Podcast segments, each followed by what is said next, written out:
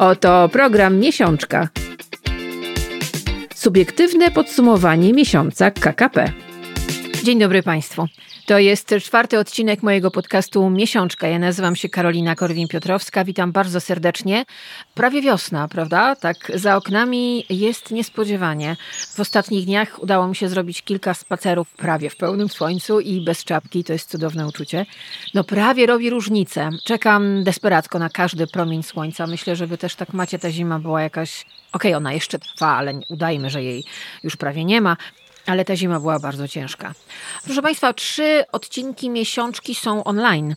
Trzy, myślę, bardzo fajne audycje specjalnie dla Was.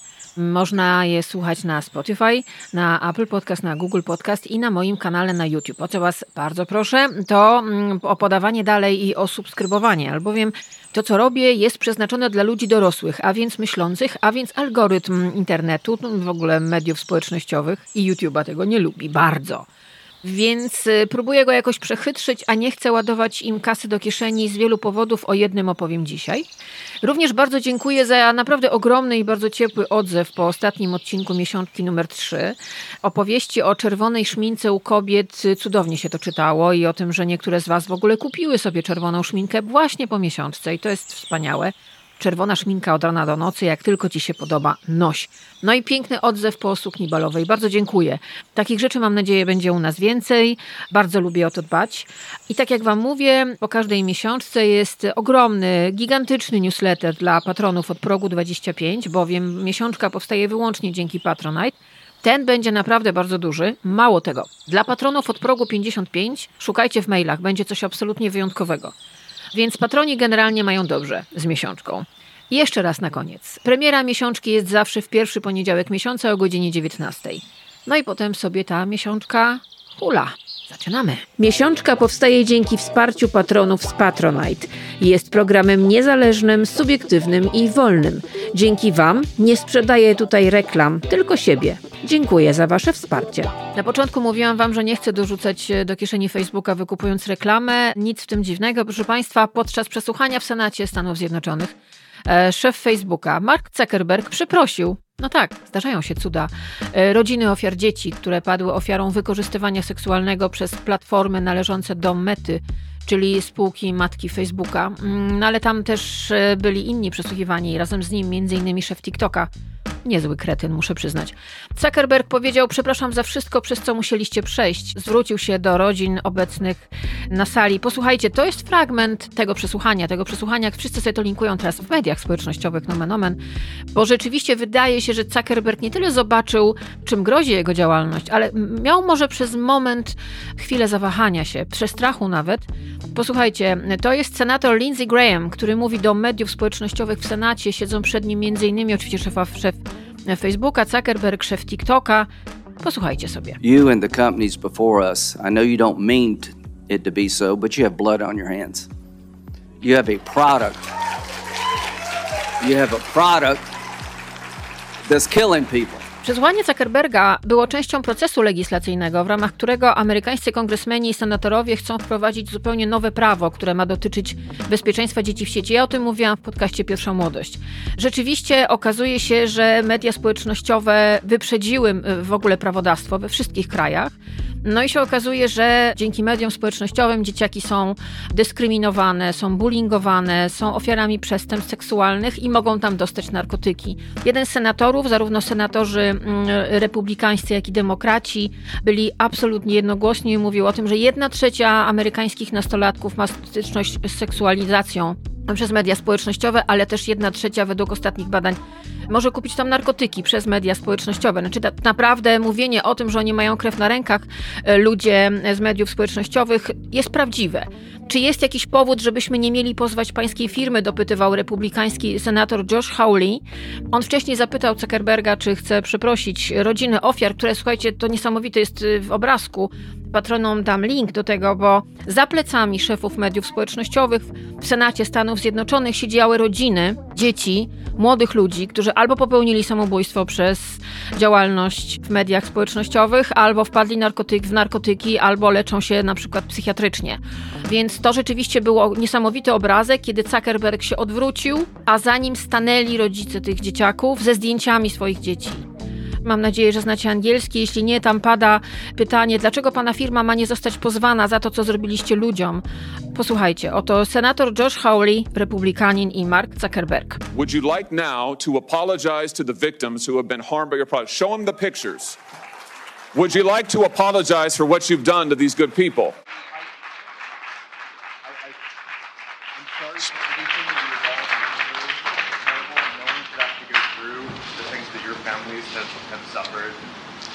is why we invested so much and are going to continue doing industry-leading efforts to, uh, to make sure that no one has to go through the types of things that your families have had to suffer. You know, why, Mr. Zuckerberg, why should your company not be sued for this? Why is it that you can claim, you hide behind a liability shield, you can't be held accountable? Shouldn't you be held accountable personally? Will you take personal responsibility? Jaki jest cel tej ustawy? Między innymi przeciwdziałanie przestępstwom w sieci, ale również otworzenie możliwości ofiarom i rodzinom tych ofiar dochodzenia odszkodowań od platform internetowych. Do tej pory platformy internetowe wszystkie umywały ręce. Nie można było wyrwać ani centa odszkodowania. Moim zdaniem to powinno się skończyć i myślę, że jeżeli oni zaczną być regularnie uderzani po kieszeni, a ostatnie dane z giełdy wskazują, że Facebook jest po prostu turbomiliardową firmą, to nie są biedni ludzie, nic się nie stanie, jak zaczną płacić odszkodowania za swoją koszmarną działalność. Od tego ułaskawienia nie powinno być. No właśnie, tak płynnie przechodzimy do felietonu. Maciej Maxelon, tradycyjnie zapraszam na jego świetny Instagram pełen wiedzy nie tylko o feminatywach, ale w ogóle o języku. Dzisiaj Maciej Maxelon opowie nam o ułaskawieniu, o łasce i o władzy. Będzie gorąco, prawie tak gorąco, jak w domu jednego z byłych posłów, kiedy wreszcie włączyli u niego ogrzewanie. Słuchajcie, o łasce, ułaskawieniu i o władzy. Maciej Makselon. Czas na gościa. Słowem stycznia, dzięki dwóm migrancom, którzy chcieli wymigać się od odpowiedzialności za bezprawne działania i prezydentowi, który ich finalnie ułaskawił, bezapelacyjnie zostało słowo łaska. No ale właśnie, powiedziałem finalnie, a powinienem był powiedzieć chyba nareszcie skutecznie, bo przecież najpierw ich prezydent ułaskawił, choć nie byli skazani prawomocnym wyrokiem. Potem, gdy prawomocny wyrok dostali, ułaskawić ich nie chciał i próbował przenieść tę odpowiedzialność na prokuratora generalnego, by w końcu, w obliczu spraw tak ostatecznych jak problemy z włączeniem ogrzewania w domu jednego ze skazanych, zrobił w końcu łaskę tym, których wcześniej już ułaskawił, więc, jak powtarzał, łaski tej wcale robić nie musiał. Skomplikowane? Hm. Powiedzmy po prostu, że do trzech razy sztuka, a prezydentowi udało się już za drugim. Ale w tym wszystkim zgubił się trochę sens, więc mogliśmy zapomnieć, czym w ogóle jest łaska. I tu chętniej niż do etymologii odwołałbym się do chrześcijańskiej wykładni, wedle której jest ona nadprzyrodzonym darem, którego Bóg udziela istotom rozumnym, by mogły dostąpić żywota wiecznego. Wedle tej samej wykładni łaska jest uświęcająca – to znaczy czyni człowieka sprawiedliwym. Człowiek obdarzony łaską jest bez skazy. I może o to chodziło prezydentowi Dudzie, gdy mówił, że panowie Wąsik i Kamiński są właściwie nieskazitelni, że są najbardziej sprawiedliwymi ze sprawiedliwych bo przyjmując tę właśnie chrześcijańską wykładnię, po otrzymaniu daru łaski, wszelkie wcześniejsze przewiny znikają, jak nie przymierzając pieniądze z Funduszu Sprawiedliwości za ministra Ziobry. Przekraczanie uprawnień, zlecanie podrabiania dokumentów i usiłowanie wyłudzenia poświadczenia nieprawdy musimy zatem uznać za niebyłe, a samych skazanych za osoby krystalicznie czyste. Oczywiście działa to w ten sposób, gdy łaską obdarza człowieka Bóg, no i może właśnie dlatego Andrzejowi za pierwszym razem nie wyszło i musiał poprawić. Nie jestem jednak przekonany, czy miłościwie nam panujący prezydent ma świadomość tego, jakie niebezpieczeństwo wiąże się z tą wykładnią. Bowiem w tym rozumieniu łaska nie jest uzależniona od zasług, a prezydent przecież między innymi zasługami ją tłumaczył. Tymczasem łaska uświęcająca należy się każdemu, kto przyjmie Chrystusa do serca. I jeśli chcielibyśmy być konsekwentni, w takim razie absolutnie każdy, kto przyjąłby Andrzeja do serca, niezależnie od swych zasług oraz kalibru przewinień, powinien spodziewać się aktu łaski. No i spoglądając na przypadki kolejnych niedawno ułaskawionych, to jest Magdaleny Ogórek czy Ziemkiewicza, faktycznie mogłoby wydawać się, że tak właśnie jest i w sumie nie ma nic prostszego niż uzyskanie aktu łaski. Wystarczy do serca przyjąć Andrzeja. Pytanie brzmi, czy działałoby to również w przypadku polityków opozycji lub dziennikarzy czy dziennikarek?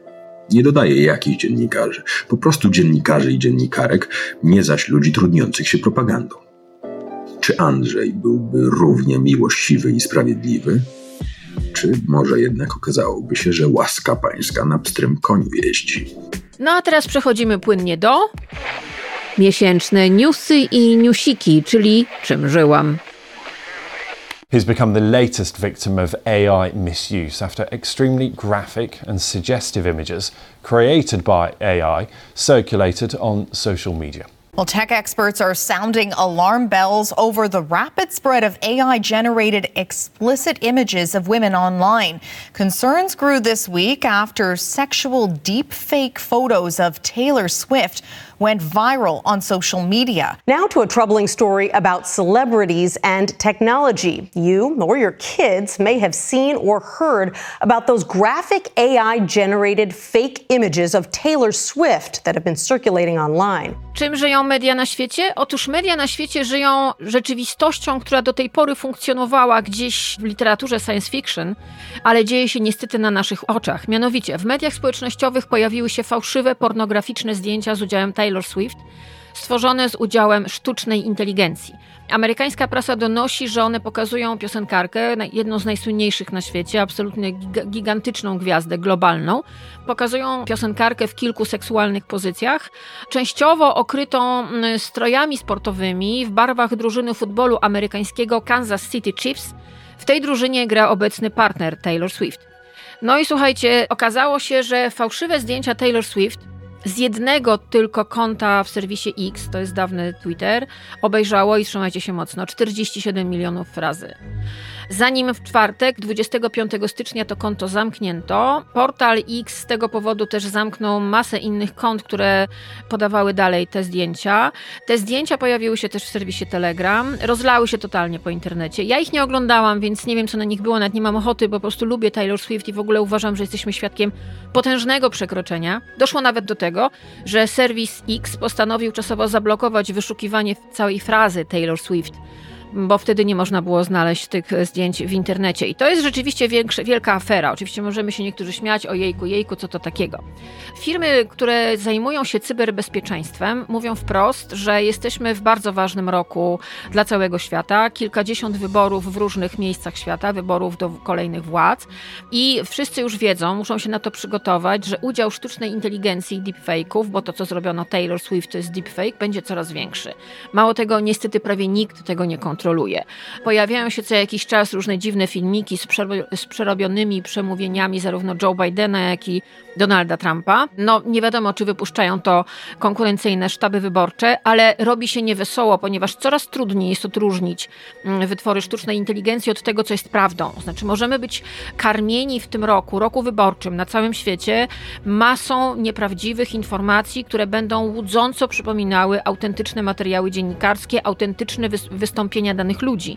Przypomnę, ta historia sięga już kilku lat wstecz. Pamiętacie w 2018 roku? Był słynny wyciek zdjęć prywatnych aktorek hollywoodzkich, w tym m.in. Scarlett Johansson. Jej skradziono prywatne zdjęcia, także nagie, które sobie na przykład robiła w łazience. Ona mówiła o tym wielokrotnie, e, media o tym pisały, że te zdjęcia były wykorzystywane także pornograficznie.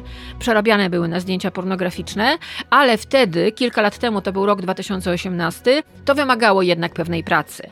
I było jednak, jak się człowiek przyjrzał, a ja widziałam niestety kilka tych zdjęć, widać było, że tam ktoś majstrował. Teraz, dzięki sztucznej inteligencji, może to zrobić praktycznie każdy.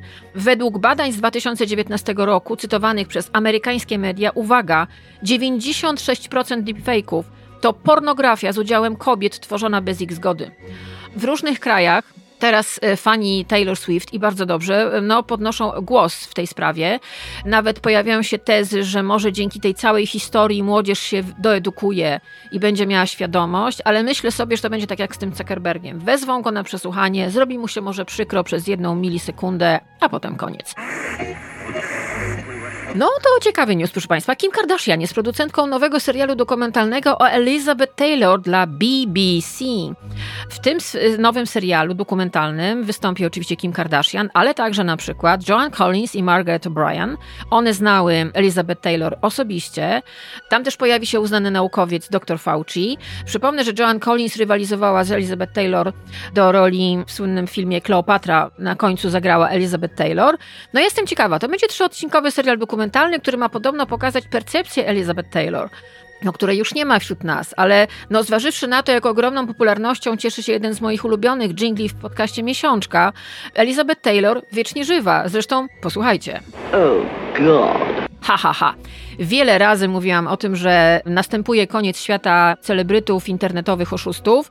No i słuchajcie, okazuje się, że włoski Urząd Regulacji Komunikacji opracował zupełnie nowe e, zasady, które dotyczą aktywności influencerów w mediach społecznościowych. Sprawa ta zbiegła się ze skandalem, którego bohaterką była wielka internetowa gwiazda, niegdyś blogerka, teraz influencerka Chiara Ferrani, która została objęta śledztwem dotyczącym oszustwa w sieci. Włosi piszą wręcz, dziki zachód się skończył.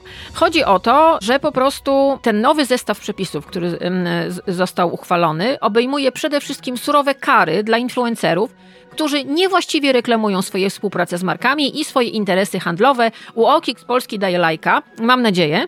No bo się okazuje, że przede wszystkim uderzą influencerów, którzy oszukują po kieszeni. Największa kara może wynosić nawet 250 tysięcy euro, czyli sporo. Wszyscy oczywiście łączą te decyzje ze skandalem z udziałem Kiary Ferrani. Obserwuję ją na Instagramie pokrótce. 30 milionów luda, nieźle. I w 2023 roku, dokładnie w grudniu, otrzymała grzywnę w wysokości ponad miliona euro od Urzędu Antymonopolowego, bowiem ona na przykład zrobiła taką akcję, że sprzedawała promocyjnie czy promowała najpierw specjalną wersję takiego specjalnego ciasta świątecznego, Pandoro, i ona była droższa od standardowej wersji produktu, ale reklamowane to ciasto przez Ferrani kosztowało 9 euro, zwykłe wersje dostępne były już za 4 euro, a dlaczego jej była droższa? Bowiem ona sugerowała, że ta nadwyżka, za którą, którą no, jest niemała, Mm, wynosi prawie 100%, pójdzie na specjalną organizację charytatywną, która zajmuje się badaniami nad rakiem kości w szpitalu Turynie. Sugerowała to treść jej reklam, opisy do postów, wszystko i wygląd opakowań też. No i co się okazało, że w ogóle ni chuchu, żadne pieniądze nie poszły na żaden szpital, że te pieniądze nie zostały przekazane, to było około miliona euro wychodziło z obliczeń, z, z doniesień medialnych, y, ona na tym zarobiła i nie poszły te pieniądze na żaden szpital, na żaden Turyn.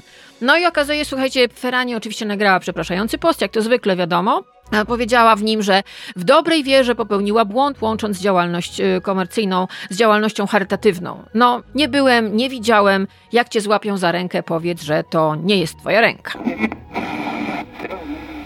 Moje podejście do mody jest takie, że lubię sobie popatrzeć, uważam, że jestem poza modą, ale na przykład no, z ogromnym zainteresowaniem oglądam sobie paryskie pokazy mody i słuchajcie, no absolutnym dziełem sztuki był pokaz kolekcji Johna Galliano dla Maison Margiela w Paryżu, który zamykał paryski tydzień mody. Patroni dostaną link do tego, bo to trzeba usiąść i obejrzeć. Jest to po prostu obłędna jakaś bajka. To show odbyło się pod mostem Aleksandra III w Paryżu i to był hołd dla Paryża, dla paryskiego stylu, w ogóle dla takiej atmosfery dawnego Paryża. I pokaz rozpoczął występ francuskiego wokalisty Lucky Love'a, który był wystylizowany trochę na wczesnego Freddie'ego Mercury i zaśpiewał ów Lucky Love, puszczę wam za chwileczkę, w towarzystwie chóru. No i cała ta kolekcja niesamowita, pokazana w niesamowitym świetle, w rytm bajkowej, doskonale dopasowanej muzyki. Poza tym, że były to niesamowite ciuchy, fantastyczne. Inspiracji tam jest cała masa, między innymi na przykład jak lubicie z, robić ciuchy zero waste, szyć jeden płaszcz z czterech, tyle wam powiem. No to są niesamowite makijaże, które stały się już w ogóle wiralem w mediach społecznościowych Pat McGrath. Niesamowite, wspaniałe fryzury i te modele, modelki szli w niesamowity sposób. Niesamowicie poruszali się na wybiegu. Sposób ich chodzenia, to jak trzymali ręce, jak się wyginali. Zresztą część z nich miała gorsety, mężczyźni też, więc te, te sylwetki były naturalnie wyciągnięte, fantastyczne, bajkowe wręcz modele butów. Nie wiem, czy wiecie, ale reżyserem ruchu tego pokazu był Pat Bogusławski, Polak. Od lat jedno z najgorętszych w ogóle nazwisk w świecie mody, a jednym z modeli był Michael Zieliński, który ostatnio wystąpił w serialu Belfer i w filmie Zielona Granica. Kulminacją tego pokazu, tak jak mówię, bajkowy, nie można oderwać naprawdę oczu od komputera, jak się to ogląda, był występ Gwendolyn Christie, która była w takiej lateksopodobnej krynolinie, w niesamowitym gorsecie, fryzurze. No to było po prostu bajkowe.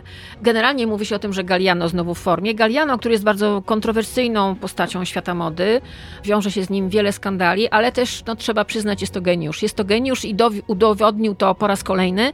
Nawet jak nie lubisz mody i nawet jak brzydzisz się tym całym świadkiem, mówisz sobie fuj, fuj, fuj usiądziesz i zwariujesz. To jest bajka.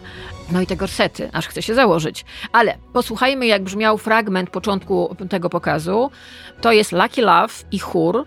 Robi to kolosalne wrażenie. Przypomnę, patroni dostaną link do całego pokazu. Usiądźcie sobie, weźcie herbat herbatkę, tak jak ja teraz i pooglądajcie.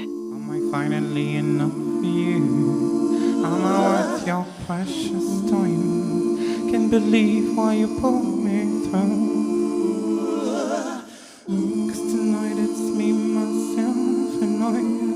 this fine lights, I won't come home. My lips are silk, my eyes is fire. Fire, fire, fire. But here you come and go. Tonight, tonight, tonight. Oh, cause tonight it's me, myself, and I. On this lights, I won't come home. My lips are silk, my eyes is fire. But you come and go. And I work so hard to please you all, to be the one you will bring home. But now I'm better on my own. No, I don't need your love. No, I don't need. No, I don't need your love. No, I don't need. No, I don't need your love. No, I don't need. No, I don't need your love. Your love, I don't need your love. A czy wiecie, drodzy moi słuchacze, co to jest Stanley Cup? Posłuchajcie. The hot gift drawing screams and sobs of joy. Uh, she wanted Stanley Cup. And all this hysteria over a cup. I got a Stanley! The Stanley Quencher Cup, that is. Sold in over a hundred different colors, the $45 reusable bottles are flying off shelves. Stanley Quencher to jest taki kubek metalowy z rurką plastikową do picia. On ma taką rączkę specjalną do trzymania i niektóre edycje tego kubka, kubka Stanley, wystarczy wpisać w Google Stanley Quencher. Słuchajcie, niektóre w Polsce chodzą na, za 2,5 tysiąca złotych za kubek na amazon.pl, naprawdę widziałam. Średnia cena na polskim Amazonie to jest prawie 1000 zł. Czasami są edycje za 700, za 800. Wariactwo, nie? Patronom wyślę zdjęcia, bo to jest paranoja. Ludzie kolekcjonują te kubki. Kiedyś fotografowano się na tle bibliotek żeby pokazać, o uwaga, umiem czytać, składam litery, albo przynajmniej wiem, jak wygląda książka. Teraz modne jest fotografowanie się na tle ściany, która jest y, złożona z półek, na których to półkach stoją te kubki w różnych kolorach. Tak, naprawdę. Naprawdę jeszcze się dziwicie, że ja mówię o tym, że wszyscy umrzemy? Hm. No i teraz tak. Te kubki są absolutnie jakimś totalnym szaleństwem. E, przed chwilą słyszeliście fragment materiału telewizji amerykańskiej o tym, jak to był numer jeden z wymarzonych prezentów na gwiazdkę. Wokół tych kubków jest zarówno trochę kontrowersji, bo niektórzy uważają, że one jednak stwarzają ryzyko zatrucia ołowiem, co oczywiście producenci obalają, ale eksperci w ogóle zastanawiają się, jak to się stało, że metalowy kubek wcale nie najlepszej jakości. Skąd to wiem? Bo mam przyjaciela, który ma taki kubek. Masz kubek, który sam w sobie nie jest tani i do tego jeszcze musisz dokupić gadżety, żeby on ci nie przeciekał, a w ogóle to coś tam, coś tam, coś tam. Każdy, kto używa kubków termicznych wie, jakie są najlepsze, jakie naprawdę nie przeciekają, jakie naprawdę trzymają temperaturę. Specjaliści od marketingu mówią, że to było po prostu bardzo proste, bo to chodzi o to, że ludzie, którzy lubią pić różne napoje i nie chcą się z tym rozstawać w ciągu dnia i którzy chcą też przy okazji zeszpanować, wymyślili sobie, że będą mieli teraz te kubki w różnych kolorach i po prostu to oni wymyślili ten trend. Nie wiem jak to było, niemniej jednak to jest absolutny, totalny hit. No słuchajcie, czy wyobrażacie sobie zapłacić 2,5 tysiąca tysiąca złotych za kubek? Kurczę blade. A to jest bardzo ciekawa historia, bo sama firma Stanley tak naprawdę która wymyśla, produkuje te kubki, oni tak naprawdę są specjalistą od takiego wyposażenia ludzi na przykład na biwaki. Oni robią całkiem niezłe termosy, wiem, bo miałam kiedyś. To jest firma, która zaczęła produkować w ogóle swoje produkty na początku e, lat 20. XX wieku i wtedy opatentowano tą pierwszą butelkę próżniową, całkowicie stalową i wtedy założono firmę Stanley Bottle Company. Więc to jest naprawdę długa historia, a te kubki są od niedawna i od niedawna są absolutnym szaleństwem kolorowym, pożądanym, bardzo drogim. Są takie filmiki sugerujące na YouTubie, jak sobie wpiszecie Stanley Quencher. Niby testy, które polegają na tym, że nawet jak się spalisz ty i twój samochód, to twój kubek ocaleje. No fajne. No nic tylko wydać 2,5 tysiąca. Słuchajcie, przenieśmy się teraz do Rosji. Ja wiem, że to jest niepoprawne polityczne, ale muszę to o tym powiedzieć. 21 grudnia 2023 roku tłum celebrytów i gwiazd rosyjskich udał się do moskiewskiego klubu Mutabor na nagie party.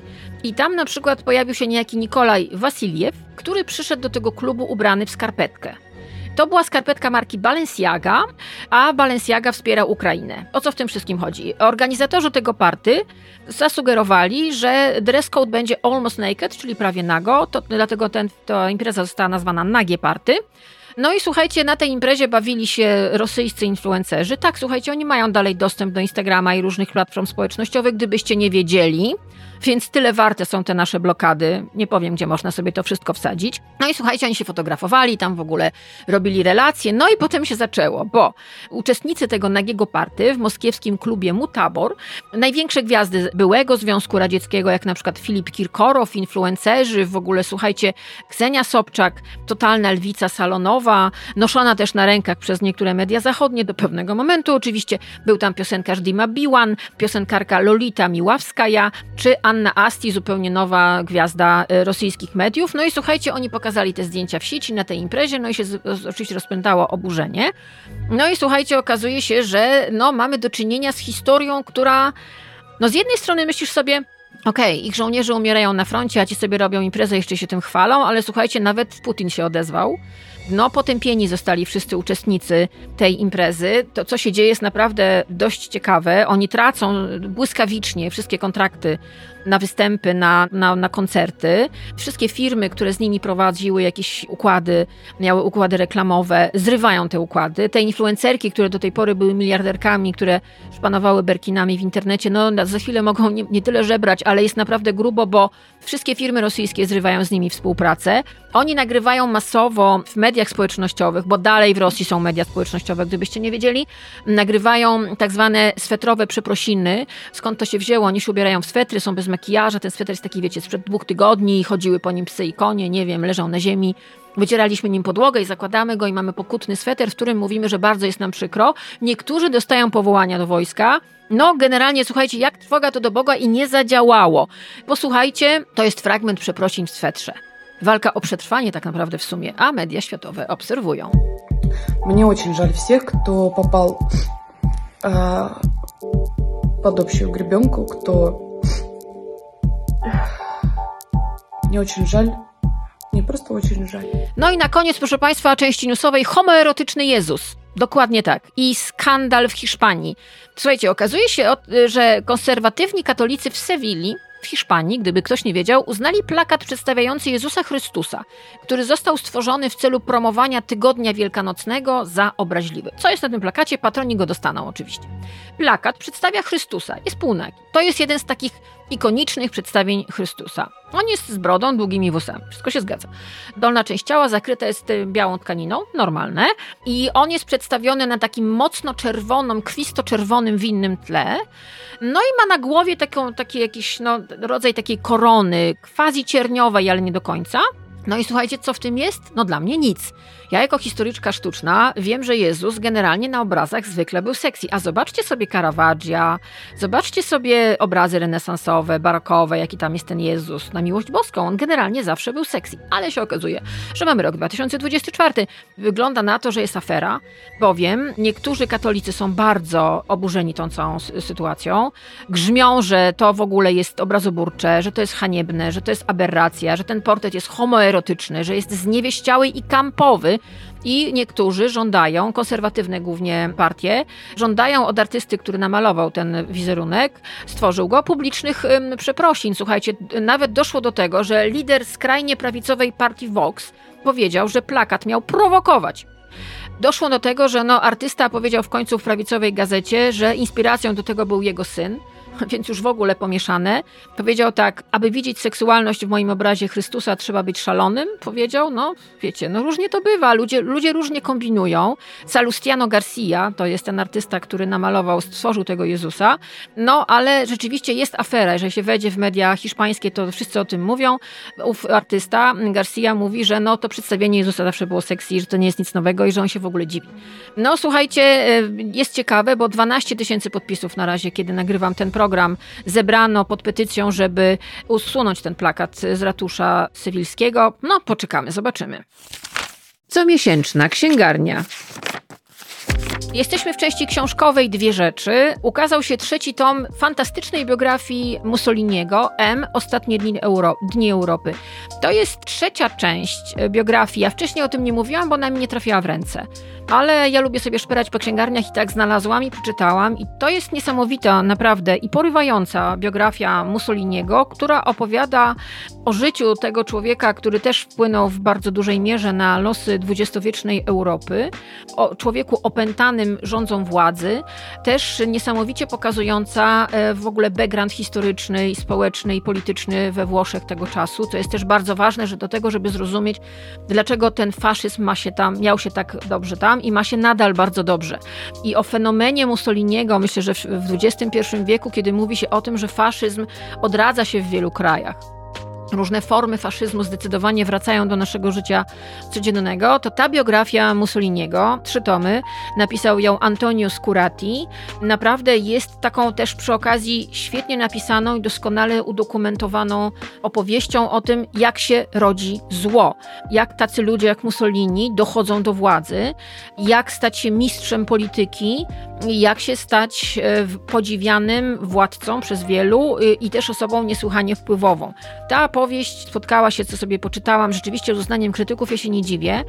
Sprzedano jej ponad 160 tysięcy egzemplarzy, a prawa sprzedano do ponad 30 krajów. Przeczytam wam fragment. Jestem wyrzutkiem wśród wyrzutków. Rzecznikiem zdemobilizowanych żołnierzy, takim jak oni włóczęgą poszukującym drogi. Ale mam zadanie do wykonania. W tej na wpół pustej sali rozszerzam nozdrza i węszę zapach nowego stulecia. Wyciągam rękę, żeby wyczuć tętno zebranych tu ludzi i już wiem, że pójdą za mną. Naprawdę śmiała, wspaniale napisana, bardzo ciekawa przede wszystkim biografia Mussoliniego. I e, druga książka, książka, którą już złapałam w swoje ręce w grudniu i teraz wam chcę o niej opowiedzieć, bo mamy premierę Kosa, hitem totalnym są chłopki i wszyscy oglądają serial 1670 i jakoś z tym wszystkim rezonuje książka Nieprzezroczyste, historie chłopskiej fotografii. Fantastyczna książka, Autorką książki Nieprzezroczyste historie chłopskiej fotografii jest Agnieszka Pajączkowska. I to jest y, naprawdę książka niezwykła, bo przede wszystkim odpowiada na pytanie, co i dlaczego można nazywać fotografią chłopską i w jaki sposób powstawały te zdjęcia, czy były w ogóle drogie i jak były dostępne, czy w ogóle były dostępne dla chłopów i czy tylko do, zamożni sobie na to pozwalali, czy jednak posiadanie zdjęcia w domu było symbolem jakiegoś statusu. No i przede wszystkim kto fotografował, kim byli ludzie, którzy poruszali się po polskich y, wsiach i, i fotografowali tychże chłopów. A jeżeli mieli w ogóle aparat chłopi, no to skąd oni go mieli? No to jest bardzo ciekawa opowieść w ogóle o Polsce.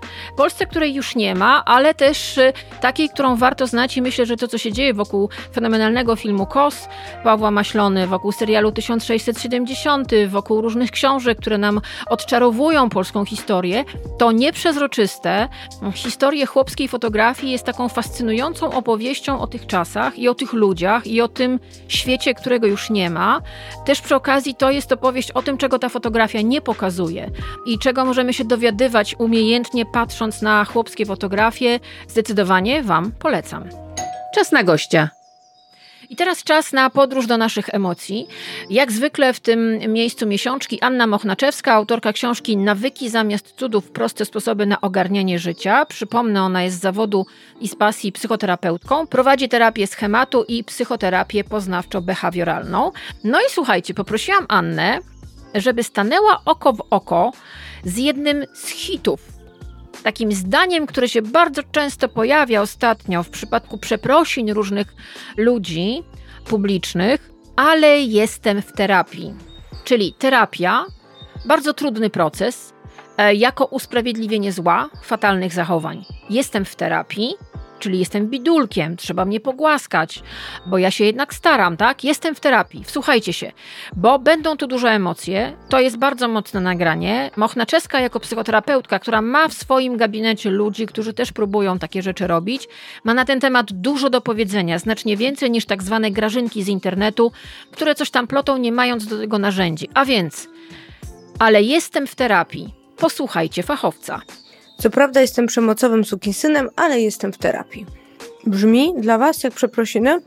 Nie sądzę. Przyjęlibyście takie przeprosiny? Nie wydaje mi się. Dla mnie brzmi raczej jak jakiś narcystyczny statement. Trochę na zasadzie, przecież się przyznałem, teraz coś ze sobą robię, to w sumie nie moja wina, więc można powiedzieć, że ręce mam czyste. Dlaczego warto mówić głośno o przemocy, zwłaszcza kiedy jej doświadczamy. Po pierwsze, bo jedna odważna osoba, która powie stop, dodaje odwagi innym. Dodaje odwagi innym, którym dzieje się krzywda, do tego, aby opowiedzieli swoją historię. Po drugie, ten spotlight jest właśnie na wagę problemu i na doświadczenia krzywdy, a nie na doświadczenia odpuszczenia, winy. Bo nie ma, moi drodzy, żadnego argumentu, który usprawiedliwiłby stosowanie przemocy. No, chyba, że dzieje się to w takiej instytucji jak Kościół, ale to jest zupełnie inna bajka, bo oni mają, zdaje się, magiczny proszek Fuse Harry'ego Pottera, który w dziwny sposób przetransportowuje przemocowców do innych parafii po to, aby tam mogli w cudzysłowie zacząć swoje nowe parafialne życie. Ale do rzeczy. Dlaczego w ogóle o tym mówię? Bo kilka miesięcy temu y, zaczęły się nowe czystki w internecie. Zapewne słyszeliście o czymś takim jak Pandora Gate, czy chociażby sprawa youtuberów Gargamela i Krzysztofa Gonciarza. Ten pierwszy został oskarżony przez byłą dziewczynę o znęcanie się nad nią psychicznie i fizycznie, a ten drugi sprytnie wykorzystywał swoją popularność do manipulowania młodymi dziewczynami. A na swoje ofiary głównie wybierał te, które zmagały się z dużymi problemami emocjonalnymi, w tym m.in. uzależnieniem od narkotyków. A w ostatnich tygodniach internet obiegła kolejna sprawa, tym razem Marcina Kąckiego, w związku z artykułem, który napisał o tytule. Cytuję: Moje dziennikarstwo, alkohol, nieudane terapie, kobiety źle kochane, zaniedbane córki i strach przed świtem. I jak czytam ten tytuł, to już się zaczynam denerwować, bo według mnie on jest sam w sobie manipulujący. Można się bowiem w nim dopatrzeć cierpiącego, zalęknionego życiem człowieka, który targany stanami, na które jakby trochę nie miał wpływu, próbuje radzić sobie alkoholem, przemocą i seksem i oczywiście terapiami. Ale oczywiście te terapie są nieudane. I w związku z tym jakoś tak mu wychodzi, że nadal nie panuje nad sobą i jakoś tak wychodzi, że robi innym te wszystkie straszne rzeczy. A na koniec jakby budził się z okropnego snu i bał się kolejnego dnia. No właśnie, dlaczego o tym mówię? Co łączy Gonciarza, Gargamela i Kąckiego? Ano to, że potraktowali chodzenie na terapię jako, a jak immunitet, a mianowicie w odpowiedzi na zarzuty lub chcąc wyprzedzić fakt wyjścia na jaw prawdy, posłużyli się argumentem, że chodzą na terapię. Coś w stylu wiem, że zrobiłem źle i byłem przemocowym skurwielem, ale teraz chodzę na terapię. Kiedyś słyszałam takie powiedzenie, z którym zgadzam się absolutnie w 100%. Twoja trauma nie jest Twoją winą, ale jest Twoją odpowiedzialnością. Co to oznacza? Śmiem twierdzić, że większość naszego społeczeństwa, dzieci lat 60., 70., 80., 90., miało w jakimś stopniu skopane dzieciństwo. Jest to chociażby związane z traumą pokoleniową i historią, która według mnie odcisnęła duże piętno na naszej narodowej psychice. Ale czy zatem oznacza to, że każdy Polak stosuje przemoc? No nie. Czy zatem trauma może być usprawiedliwieniem do poniżania bicia i poniewierania innymi? No nie. Więc bardzo bym tu chciała zaapelować, żeby sobie nie wycierać gęby terapią. Dlaczego? Bo terapia to proces bardzo osobisty i aby zadziałała, potrzebna jest ogromna własna motywacja do zmiany i ogromna własna determinacja. Terapia nie ma być karą i nie może być zadośćuczynieniem. Mówię o tym, bo ponad 8 lat przepracowałam w Warszawskiej Poradni Przeciwdziałania Przemocy i prowadziłam tam grupy dla osób stosujących przemoc. I na kilometr można było wyczuć, kto przyszedł tam z własnej nieprzymuszonej woli, z lękiem związanym z tym, że nie panuje nad swoim zachowaniem i chce to zmienić, a kto przyszedł z pobudek zewnętrznych. Mianowicie czując lęk przed konsekwencjami, chociażby takimi jak sąd. Ci drudzy od razu chcieli zaświadczenia, że uczęszczają na grupę, a w sytuacjach, w których opisywali przemoc, która była stosowana przez nich, opowiadali o niej mniej więcej tak. Teraz wiem, że to było złe, że to, co zrobiłem, zrobiłam, nie powinno mieć miejsca, ale on, ona zrobiła to i to. Tak naprawdę przerzucając odpowiedzialność za swoje zachowanie na tą drugą stronę tą pokrzywdzoną stronę. Podobnie jest właśnie tutaj. Trochę w stylu bardzo źle się zachowałem, ale miałem trudne dzieciństwo i już chodzę na terapię. I tutaj od razu otwiera mi się jeszcze jeden wątek, bardzo ważny, myślę, z perspektywy chociażby psychoterapeuty pracującego z osobami, które doświadczyły przemocy. Wątek tego, jak się czuje i czego potrzebuje osoba skrzywdzona. Ona przede wszystkim potrzebuje uprawomocnienia i szacunku dla tego, co przeszła. I teraz mała dygresja. Czy, a zapewne tak jest, czuliście się kiedyś tak, jakbyście tracili grunt pod nogami? To jest bardzo słabe uczucie. Mniej więcej takie, gdzie nie wiesz, gdzie jest góra, gdzie dół, i zaczynasz wątpić, co jest rzeczywistością, a co może być wytworem Twojej wyobraźni, i zaczynasz wątpić w to, co czujesz. I tak właśnie czują się osoby, które doświadczyły przemocy, a których doświadczenia są umniejszane. Są totalnie zdezorientowane, ponieważ to, co przeszły, jest bagatelizowane, a nie powinno być. Jest umniejszane poprzez przeprosiny w kilku lakonicznych zdaniach oraz oznajmianie światu, że zrobiło się coś złego i tak naprawdę zwalnianie odpowiedzialności na zewnętrzne okoliczności i usprawiedliwianie się tym, że chodzi się na terapię. Jeszcze jedna rzecz. Pracując w poradni przeciwdziałania przemocy, w momencie, kiedy mieliśmy do czynienia z kimś takim, kto nie chciał wziąć odpowiedzialności za to, co zrobił, zadawaliśmy takiej osobie jedno pytanie.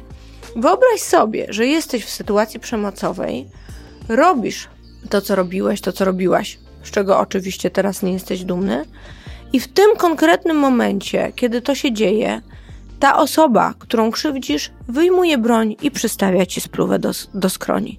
Czy robisz to dalej? Większość osób odpowiadała nie. Zatrzymuje się. To oznacza, że zachowanie przemocowe jest wyborem. Jeżeli nie jest się niepełnosprawnym umysłowo, to jest wyborem. Więc jeżeli ktokolwiek chce już przepraszać, to powinien to zrobić osobiście, nie argumentować, dlaczego się tak dzieje, dać przestrzeń drugiej osobie do tego, żeby zdecydowała, czy chce te przeprosiny przyjąć, czy nie, bo też ma do tego prawo i przede wszystkim się nie wybierać. Jeśli teraz włączyliście, to informuję, słuchacie miesiączki. Przy okazji mówienia o tym, co mamy w głowie, polecam Wam najnowszy numer miesięcznika Znak. Aktualny, świetny numer na rynku. Słuchajcie, Znak, numer lutowy jest o pułapkach pop psychologii. E, został stworzony w odpowiedzi na ogromny trend tak zwanych popularnych specjalistek z Instagrama. Tego jest masa które nie mają uprawnień ani merytorycznego przygotowania do tego, żeby ludziom gmerać w głowach i żeby udzielać jakichkolwiek porad psychologicznych. No i przekazują treści niezgodne z prawdą, z nauką, treści uproszczone, często skrojone pod tezę, jaka dana pani albo dany pan nie ma. To są głównie kobiety, niestety. No i słuchajcie, cały ten numer jest o pułapkach po psychologii. Między innymi tam jest wywiad z Bogdanem de Barbaro, który wręcz mówi, że pod popularnym pojęciem wysokiej wrażliwości, pewnie zauważyliście, że co drugi wasz znajomy albo osoba, którą śledzicie w internecie jest wysoko wrażliwa, tak? No i że pod tym pojęciem kryje się tak naprawdę narcyzm. Posłuchajcie fragmentu wywiadu z Bogdanem de Barbaro z lutowego e, numeru miesięcznika Znak. Pytanie. Wspomniał Pan o tym, że nasza kultura się psychoterapeutyzuje. To zjawisko polegające na przenikaniu wpływów psychologii do popkultury Jako jedna z pierwszych opisała Ewa Ilus. Dzisiaj psychoterapeutyzacja jest już powszechna, a jej przykład stanowi chociażby to, że słowa takie jak trauma, przepracowanie czy narcyz przeniknęły do języka potocznego. Czy przypadkiem ich nie nadużywamy? Barbara odpowiada. Niebezpieczeństwo widziałbym w tym, że medykalizacja i psychoterapeutyzacja mogą doprowadzić do rezygnacji z własnych poszukiwań i refleksyjności. Tak jak złamaną nogę leczy chirurg, a bóle zamostkowe kardiolog, tak depresję, rozumujemy, leczy psychiatra. Wadą takiego sposobu myślenia bywa jego szybkość. Zamiast spróbować głębiej zrozumieć siebie, akceptujemy diagnozę i przyjmujemy lek. Dawniej, gdy ktoś miał lęk przed wystąpieniem publicznym, mówiło się, że jest nieśmiały. Ta niepewność siebie mogła być stopniowo przepracowywana mocą kolejnych konkretnych doświadczeń. Dzisiaj możliwy jest skrót. Diagnoza zespół lęku społecznego. Zatem farmakoterapia. Co nie zmienia faktu, że czasem rzeczywiście lek może być jedynym sensownym rozwiązaniem. Bardzo Wam polecam najnowszy numer miesięcznika Znak i słuchajcie, więcej szczegółów na temat kodu promocyjnego, żebyście czytali fajną prasę, drukowaną, póki jeszcze jest, ale też wersję cyfrową, bo ja na przykład Znak głównie czytam w wersji cyfrowej. Zachęcam. Patroni od progu 25 mają po prostu w swoich skrzynkach już newsletter, dokładnie tam jest wszystko wskazane, jak to robić i czytajcie fajne media. W kinie i na kanapie, czyli to obejrzałam. That's why there's an investigation for a more suspicious death. Because you were the only person there. And of course, you're his wife. Stop. I did not kill him. That's not the point. To, czego słuchaliście, to jest e, fragment zwiastunu filmu pod tytułem Anatomia upadku, filmu, który wbił mnie w fotel, rozjechał i nie mogę przestać o nim myśleć. To jest dramat e, prawniczy, film z 2023 roku, który już jest na ekranach polskich kin, wyreżyserowany przez Justine Tritt na podstawie scenariusza, który napisała wspólnie z Arturem Hararim. W roli głównej występuje Sandra Hüller, fenomenalna aktorka. Ona gra pisarkę, która musi udowodnić swoją niewinność w sprawie, y, w sprawie o śmierć, y, związaną ze śmiercią jej męża. Cała historia zaczyna się we francuskich Alpach. Piękne widoki, śnieg, zima, no obłędne obrazki. No i widzimy dom. Sprawia wrażenie w ogóle poskładanego z kawałków, ewidentnie w stanie remontu. I w tym domu mieszkają. Główna bohaterka, którą gra Sandra Hiller, owa właśnie pisarka z sukcesami. Jest tam też jej mąż, który jest człowiekiem, delikatnie mówiąc, niespełnionym zawodowo. Jest też ich syn, który ma problemy ze wzrokiem. Ten syn wszędzie chodzi z psem. Tyle wam powiem. No i w pewnym momencie ten mężczyzna, ten mąż owej głównej bohaterki, wypada z okna. No właśnie, wypada, czy został wypchnięty? Sam się zabił, czy może ktoś mu pomógł? Nikt tego nie widział, nie było świadków tej sytuacji. Syn wracając ze spaceru z psem odkrył ciało swojego ojca leżące na śniegu w potężnej kałuży czerwonej krwi na białym śniegu. Zresztą samo zdjęciowo ten film też jest niesamowity. I się nagle okazuje, że dochodzi do sprawy w sądzie. Na oczach ludzi główna bohaterka będzie musiała wytłumaczyć się z tego, co się stało. I to jest opowieść na wielu poziomach absolutnie wstrząsająca która mówi nie tylko o upadku tego człowieka z okna, ale mówi w ogóle o upadku nas jako ludzi i mówi o ogromnej dawce przemocy, do której się przyzwyczajamy, o tym, gdzie jest w ogóle granica naszej intymności, gdzie jest granica intymności w związku, bo to też o tym jest ten proces oczywiście dzieje się na oczach wszystkich, bo mamy XXI wiek, w związku z tym wiecie, media, media społecznościowe, wszyscy się wypowiadają, telewizja huczy. Pytanie gdzieś zawieszone jest w powietrzu, czy ona to zrobiła. Jest to jeden z najlepszych scenariuszy, jakie ja widziałam w całym swoim życiu nakręconych. Naprawdę. To jest taka historia. Niby nie dzieje się nic, prawda? Proste. Facet wyleciał przez okno, ale to, co się dzieje dalej, to jak ten, ta historia ciągnie nas za sobą, jak nas trochę okłamuje, zwodzi, zmienia naszą perspektywę patrzenia na pewne rzeczy. To jest fenomenalna opowieść o ludzkiej naturze, niesamowity thriller. Anatomia upadku. Zobaczcie koniecznie. El cuerpo de una mujer, un trozo de tela y las puntadas justas para sujetarlo todo.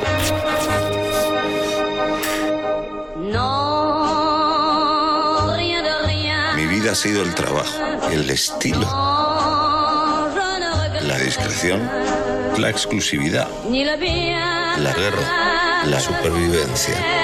el miedo, la traición, la resistencia.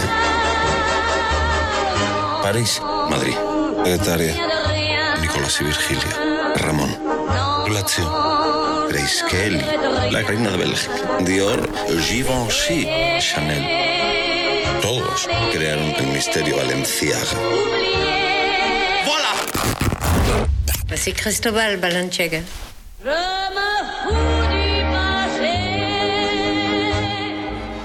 No i teraz opowieść o Cristobalu Balenciadze, czyli geniuszu krawiectwa. Opowieść o epoce, której, o ludziach, których już dawno nie ma, o krawiectwie, którego też już dawno nie ma. I żyjemy w świecie przysypanym przez beznadziejne, obrzydliwe, tanie i źle uszyte ubrania z plastiku, a Balenciaga kochał jedwabie, wełny o grubym splocie, bawełny.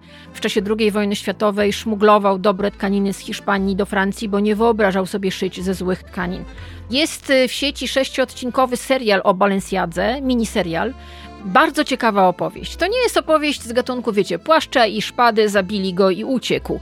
Nie, to jest przede wszystkim opowieść o artyście, o krawcu, o perfekcjoniście, homoseksualiście, człowieku, który miał ogromną pasję związaną prawie wyłącznie z jego pracą. On to kochał ponad wszystko i to było też największym jego problemem. Nie potrafił popuścić, ale był też absolutnym pionierem. Na przykład tam jest odcinek, który ja uwielbiam, kiedy szyję pewną bardzo znaną, ofotografowaną potem suknię ślubną. Tam jest opowieść o tym, jak zmienić za pomocą kroju ubrania i różnych sztuczek krawieckich praktycznie sylwetkę człowieka. W roli Balenciagi bardzo dobry i bardzo przystojny Alberto San Juan i to jest opowieść, którą e, o, e, klamrą jest wywiad, którego Balenciaga udzielił dziennikarce Prudence Glynn i to jest prawda, rzeczywiście taki wywiad miał miejsce, do niego doszło. Podczas tej rozmowy poznajemy historię jednego z najsłynniejszych, najfantastyczniejszych domów mody, który niestety dzisiaj kojarzy się z tanią prowokacją i jakimiś dziwnymi ubraniami celebryckimi skandalami, ale warto cofnąć się do czasów, kiedy krawiectwo coś znaczyło, ale też już pojawiła się na horyzoncie tania, brzydka, źle skrojona moda. No a teraz posłuchajcie smutnego głosu Nicole Kidman. Don't you ever miss it? Home? I like our life here. the help, the drivers, it makes everything easier. I see his family. You know you always say that, right? You're her employer, not her friend. You know, Hong Kong was supposed to be a fresh start for me. A fresh start, really? At 24? I think my marriage is over.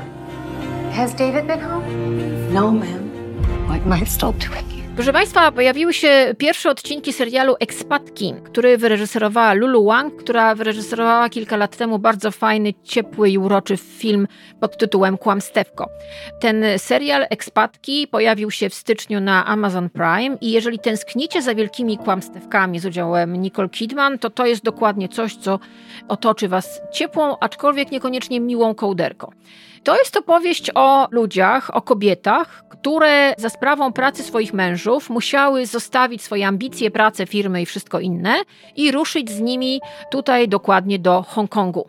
Margaret, główna bohaterka, którą gra Nicole Kidman, ona kiedyś była architektką krajobrazu, robiła ludziom ogrody, była projektantką ogrodów. Mm, i myślała, że po prostu będzie mogła się w tym spełniać. No ale teraz jest w Hongkongu, ma dzieci, wychowuje je i jej życie, jej potrzeby są na drugim planie, albowiem mąż przedłuża kontrakt, zarabia coraz więcej pieniędzy, mamy tu świetne życie. No nie do końca świetne. Mieszka w bardzo takim wypasionym osiedlu dla wybranych, bogatych i uprzywilejowanych. Jest osobą osamotnioną, nieszczęśliwą z wielu względów, ale przede wszystkim dlatego, że no tam doszło do tragedii w tej rodzinie i okazuje się, że no ta tragedia jest taką czapą, która zaciążyła na całym tym związku i na całym w ogóle percepcji świata dokoła y, głównej bohaterki. Mieszka w tym strzyżonym osiedlu, y, wszystko ma dowiezione, jest przywożona, zawożona, prawie nie musi chodzić na własnych nogach, a jednak brakuje jej normalnego życia, które gdzieś tam zostawiła. Ma też sąsiadkę, której związek się rozpada i która no, ma duży problem ze swoim mężem na wielu poziomach w ogóle opowiada Ta przyjaciółka nazywa się Hillary. Ona co prawda pracuje i y, ma świetną karierę, ale z tym jej mężem, delikatnie mówiąc, jej się nie układa. Tam jest opowieść o tym, jak kobiety oszukują czasem swoich mężów, mówiąc im, że chcą mieć dziecko, a jednak pokryją, biorą tabletkę. No i do tego jeszcze mamy pewną dziewczynę, która jest stamtąd, nazywa się Mercy i ona jest w ogóle kluczowa dla całej tej intrygi, bo ona wiąże ze sobą różne wątki, które tam się pojawiają. Powiem wam tak, pierwsze odcinki zapowiadają się fantastycznie, ja to po prostu połknęłam.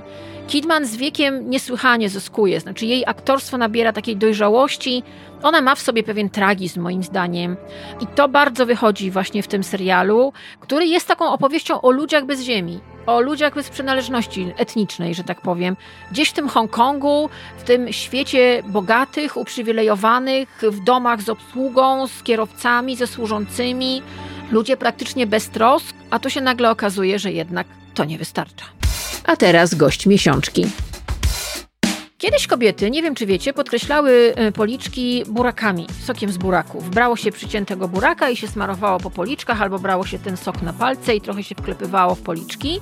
No teraz to się zupełnie inaczej dzieje. Róż to podstawowy kosmetyk. Ja na przykład kiedyś nie umiałam stosować różu kompletnie i nie lubiłam go używać, no bo nie umiałam. Ale mam teraz takie ustrojstwo, które jest trzy w jednym. To jest róż, cień do oczu i szminka i w ogóle nie wyobrażam sobie bez tego życia nazywam go zdrówko. Tak zwane zdrówko. Nasze mamy mówiły, zdrówko na policzkach musi być. No więc o różu. Dla kogo on jest? Po co on jest? I w ogóle o co chodzi z różem? Opowie nam Agata Herbut, przypominam, Agata Manosa, jej profil na Instagramie, nasza stała felietonistka. Opowie o tym, dla kogo, po co i w ogóle o co chodzi z tym różem i dlaczego czasami trzeba włożyć róż. Agata Herbut. Cześć, tu Agata Herbut albo Agata Manosa, dziennikarka beauty i autorka bloga Agata Manosa. W dzisiejszym kąciku beauty porozmawiamy o rumieńcach. Dlaczego? To jedno z najczęściej pojawiających się u mnie pytań. Agata, poleć jakiś róż, którym nie zrobią sobie krzywdy.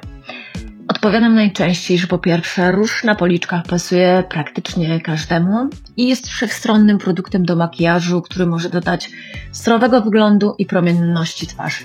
Dla mnie osobiście to jeden z ukochanych kosmetyków. Uwielbiam się nim bawić i nadawać twarzy zupełnie innego wyglądu. Dlatego też po róże sięgam bardzo często i szczerze nie wyobrażam sobie bez niego makijażu. Zdecydowanie szybciej zrezygnuję z tuszu do rzęs czy z pomadki. To taka moja różana obsesja. Proszę tutaj zwrócić uwagę, e, jaka wspaniała gra słów mi wyszła. E, no więc sięgam też po różne kolory róż do policzków, od brzoskwiniowych, różowych po fuksjowe. Tutaj mój wybór to właściwie zależy od mojego nastroju. Po drugie, jeśli chodzi o róże, to nie ma się czego bać. Pamiętajcie, że makijaż nie jest nauką ścisłą, jest przede wszystkim przyjemnością. A jeśli coś nie wyjdzie, to tą przyjemność można szybko zmyć. Przyznam się Wam, że zdarzały mi się, no nadal się czasami zdarzają, ale rzadziej ale zdarzały się. Fakapy z udziałem różu. No, bywało tak, że podekscytowałam się kolorem, nałożyłam na poliki, wyszłam na dwór, zerknęłam przelotem lusterką na przykład w czyimś aucie i okazało się, że ilość już tego towaru jest porażająca. Mm, nie raz, ani nie dziesięć razy mi się to przytrafiło. I tutaj wracam do tego, co mówiłam wcześniej. Makijaż to przyjemność i zabawa, a nadmiar można zetrzeć ręką, chusteczką, przypudrować albo olać. Jak przekonać się do różu? Znaleźć odpowiedni. To super prosta odpowiedź, ale bardzo trudna rzecz do zrobienia, bo jak niby masz to zrobić, skoro nie masz pojęcia od czego zacząć? I wiem, że często tak po prostu jest. Więc do wyboru mamy róże w kremie. One tak bardziej stapiają się ze skórą. Używa się ich bezpośrednio na podkład albo na nagą skórę, czyli zapomnij o pudrze. Dla mnie kremowe róże są idealne, świetnie się wtapiają, a polik wygląda naprawdę soczyście. Można je nakładać palcem, ja to uwielbiam robić, albo pędzlem czy gąbeczką do makijażu. Natomiast róże w kamieniu wymagają użycia pędzla, Aczkolwiek zdarzało mi się zapomnieć na przykład na makijaż a pędzla, więc musiałam to zrobić dłonią. No, ale no, ale udało się, udało się, najważniejsze, że się udało. Do wyboru mamy matowe, rozświetlające, satynowe i tutaj wybór należy do Ciebie. Ja wybieram zawsze te błyszczące, ale ja po prostu na maksa lubię błysk. Obydwu przypadkach według mnie jest jedna zasada. Róż należy dobrze rozblendować, czyli innymi słowy postarać się, aby krawędzie nałożonego na skórę produktu były roztarte. To znaczy, jeśli ktoś preferuje nieroztarte, to też spoko. Jak mówiłam, mamy wybór. Słuchajcie, z racji mojego zawodu często robiłam makijaże tak zwane wyjścia, a jedną z ulubionych przeze mnie posiadaczką pięknych policzków jest moja przyjaciółka, aktorka Asia Osida. U niej róże wyglądają obłędnie. Co więcej, zawsze pozwalała mi nakładać tyle, ile chcę, a ja no, minimalistką nie jestem. Mm, chcę Wam przez to powiedzieć, że warto spróbować rzeczy, o których myślicie, a macie jakieś obawy. W tym przypadku to jest tylko róż do policzków. To jest element makijażu, który można zmyć, można też dołożyć więcej. Nie ma się czego bać. Jeśli macie jakieś pytania o róże, służę pomocą, piszcie, dajcie znać, ja zawsze chętnie pogadam. A jeśli miałabym podać Wam jeden róż, który pasuje do każdej karnacji, to myślę, że będzie to marka NARS e, i róż w kolorze orgazm. To połączenie różu i brzoskwini z drobinkami i jest to naprawdę coś cudownego i coś pięknego. Ostatnia sprawa, e, gdzie nakładać róż. Można się uśmiechnąć i zaaplikować trochę na te tak zwane jabłuszka, to stara szkoła. Nowa mówi o tym, że to fupa i że omijamy te jabłuszka i nakładamy trochę wyżej, aby uzyskać efekt liftingu. E, moim zdaniem jednak możecie nakładać gdzie chcecie. E, również polecam wypróbować czasami użyć różu do policzków na powiekach. To też daje fajny efekt. E, no i pamiętajcie o tym, że w makijażu naprawdę nie ma sztywnych zasad i to wytworzycie te zasady. Ściskam Was mocno, pozdrawiam i do zobaczenia niedługo. Mam nadzieję, że no mam nadzieję, że niedługo tutaj puszczam oko do Karoliny. Ściskam Was mocno. Trzymajcie się. Słuchacie podcastu, który nazywa się Miesiączka. Rok temu o tej porze wszyscy oglądaliśmy ostatni sezon serialu Sukcesja. Mam nadzieję, że wszyscy oglądali. Serial fantastyczny i wtedy zrobiła karierę, zrobiło karierę to określenie quiet luxury, czyli jeżeli jesteś miliarderem, to nie pokazuj tego, że jesteś miliarderem, nie pokazuj loga, zostawmy to tym biedniejszym noworyszom. Pokazywanie loga i szpanowanie bogactwem to raczej obciach. Ciekawe, czy o tym wiedzą polscy celebryci. Ups. No i teraz mamy zupełnie nowy trend. Ten trend pojawił się w mediach społecznościowych, bo pokazy mody już nie dyktują trendów. Trendy pojawiają się w społecznościówkach. No i mamy nowy trend. On nazywa się Mob's Wife, czyli żona gangstera. I teraz tak, jeżeli lubiliście zawiesić oko na postaci granej przez Sharon Stone w filmie Casino Martina Scorsese, czy na przykład Michelle Pfeiffer, która grała w filmie Człowiek z blizną, albo w filmie o rodzinie Gucci zawieszaliście oko na tym, co miała na sobie Lady Gaga, to to jest dokładnie to. Jest krzykliwie, jest bogato i jest ostentacyjnie. Ta estetyka to przede wszystkim futra, niekoniecznie prawdziwe, mam nadzieję. Futra obszerne, duże, zamaszyste. To wieczorowe kreacje, które są koronkowo-brokatowe, naćkane nie wiadomo co, Swarowski, Swarowski, whatever. Dużo biżuterii, dużo pierścionków, duża, duże włosy. Do tego jeszcze te akcesoria, które właśnie pokazują, jak bardzo jesteśmy bogaci, czyli nie, nie zaszkodzi mieć jakąś torebkę Birkin czy coś tam. Ale rzeczywiście wszyscy mówią, że to powstało trochę na opozycji do Quiet Luxury, że tam są beże, brązy, wiecie, to niby nuda, aczkolwiek ja bym polemizowała. I mamy teraz tą opowieść o żonie gangstera, która pewnie za chwilę znowu będzie w ogóle, wiecie, passe i nikt na to nie będzie zwracał uwagi, ale rzeczywiście tutaj mamy bardzo ciekawe konotacje filmowe, popkulturowe, bo te żony gangsterów były niesamowicie pokazywane w różnych filmach. No moim zdaniem to, co ma na sobie Sharon Stone w filmie Casino jest obłędne. No i rzeczywiście, jak sobie wpiszecie w mediach społecznościowych hashtag mobwife, no to tam macie tysiące tych stylizacji i niektóre są nawet bardzo fajne, bo na przykład takie futra sztuczne dziewczyny noszą do jeansów podartych i to jest naprawdę bardzo fajne. Więc pogadajmy teraz o modzie, a ponieważ to jest miesiączka oczywiście, no to ta moda będzie inna. Karolina Sulej, autorka książki m.in. Rzeczy Osobiste, pisarka, podcasterka i kuratorka, zapraszam na jej Instagram, też y, aktywistka Fundacji Kraina, opowie nam o czymś, co zwróciło moją uwagę i zrobiło mi się tak, nie wiem, miło pod sercem. Mianowicie na Złotych Globach Rosamund Pike, jedna z aktorek grających w filmie Saltburn, który bardzo polecam, jest specjalny odcinek y, pierwszej młodości o tym, pojawiła się w woalce. W czarnej, delikatnej, jak mgiełka e, woalce i wszyscy zwrócili na nią uwagę. Naprawdę ona skradła show. Mówiła, że to dlatego, że po prostu miała wypadek na nartach i wolała nie świecić siniakiem. Myślę, że prawda była gdzieś po środku. Po prostu ta woalka stała się hitem sama w sobie, a woalka spełnia bardzo różne role. I jak widać, bardzo się cieszę, nie wyszła z mody, choć mamy XXI wiek i nie, nie wszyscy pewnie nawet wiedzą, co to jest woalka. No to posłuchajcie. Karolina Sulej i jej opowieść o woalkach. Podczas Złotych Globów największą furorę zrobiła Rosamund Pike, ale nie z powodu swojej, choć rzeczywiście pięknej, korunkowej czarnej kreacji Diora, która nawiązywała do klasycznych projektów e, słynnego designera z lat 50., ale tym, że kreacji tej towarzyszyła woalka przyczepiona do niewielkiego fascynatora, która zakrywała jednocześnie odsłaniając twarz e, aktorki, która tłumaczyła, moim zdaniem niepotrzebnie, że woalkę tę założyła, ponieważ miała wypadek na nartach, który oszpecił jej twarz.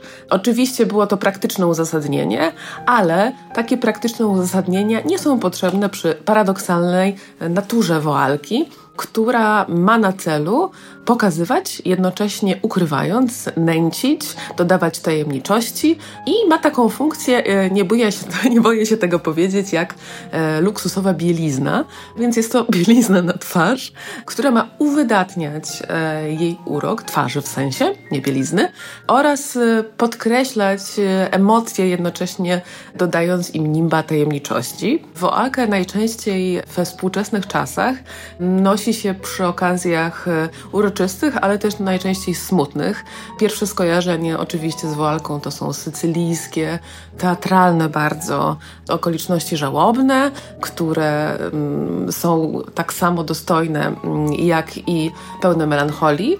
E, natomiast Woalkę wymyśliła e, Coco Chanel i nie może nie tyle wymyśliła, co spopularyzowała jako pewien rodzaj modowego dodatku, który nie musi być związany z jakąś specjalną okazją i rytuałem.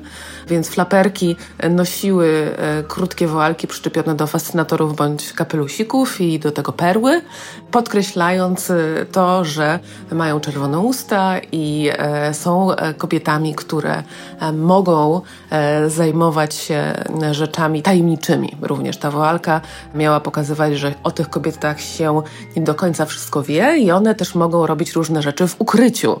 E, bo woalka, tudzież zakrywanie twarzy dla kobiet z arystokracji w wiekach e, wcześniejszych było też bardzo korzystne, kiedy zmierzały e, w różnych niemoralnych celach, udając się karocą czy innym wehikułem na miasto. Co ciekawe, woalka i w ogóle twarz zakryta w miejscach publicznych w wiekach wcześniejszych była dowodem na to, że kobieta jest wysoko urodzona i ma pozycję społeczną. Kobiety, które odsłaniały twarz, pokazywały ją w całości. Najczęściej były to kobiety społecznie niżej postawione, uznawane za takie, powiedziałabym, e, nie mające nic do ukrycia także w sensie moralnym, tak? I ta woalka była dowodem skromności, była dowodem na to, że nie wszyscy mogą z daną kobietą mieć kontakt, nie wszyscy mogą e, mieć zaszczyt oglądania jej twarzy.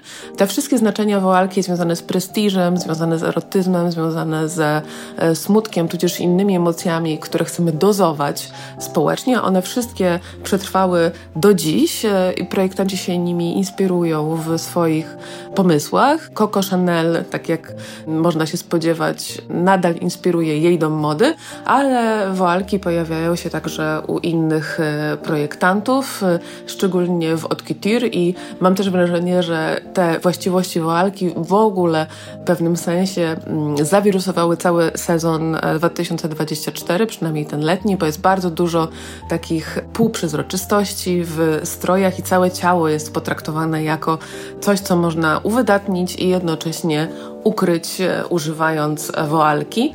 Ciekawie też woalka wpisuje się w cały dyskurs związany z zasłanianiem i odsłanianiem twarzy za pomocą e, chust i innych akcesoriów, które są już bardzo mocno religijnie nacechowane, ale to już jest e, zupełnie inna historia niż to, co zaprezentowała Rosamund Pike. Co prawda przez niektórych została określona jako pszczelarz w żałobie, ale wydaje mi się, że to jest klasyczny sposób wyśmiewania tego o czym może opowiadać moda, a tutaj e, opowiada nam wspaniałą historię o emocjach, tudzież oczywiście o tym, w jaki sposób wybrnąć e, z trudnej towarzyskiej sytuacji, kiedy trzeba iść na przyjęcie i robić wrażenie, a wygląda się w teorii niekorzystnie. Więc moda ma funkcję tutaj również opiekuńczą, nie tylko e, służy temu, żeby e, wyglądać zachwycająco, co tutaj absolutnie również miało miejsce.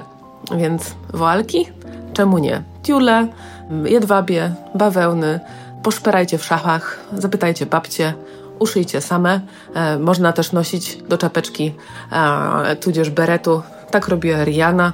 E, można wymyślić e, własnym sumptem, jak e, potraktować walkę. Na pewno nie jest to jedynie piękny przedmiot vintage, ale coś, co można zainterpretować, bo moda ma to do siebie, że musi się zmieniać, inaczej wchodzi do szafy, zostaje tam i zostaje zjedzona przez mole. Jeśli teraz włączyliście, to informuję, słuchacie miesiączki. Niedawno rozdano nagrody Emmy. Było to jubileuszowe rozdanie i tam składano hołd y, najważniejszym serialom, y, pozycjom telewizyjnym z ostatnich lat i między innymi, słuchajcie, pojawił się fragment dedykowany Ellie McBeal. Pamiętacie jeszcze w ogóle Ellie McBeal? Dokładnie to samo pytanie zadałam sobie, kiedy robiłam o tym post na Instagramie i okazało się, że ludzie w ogóle masowo na to zareagowali.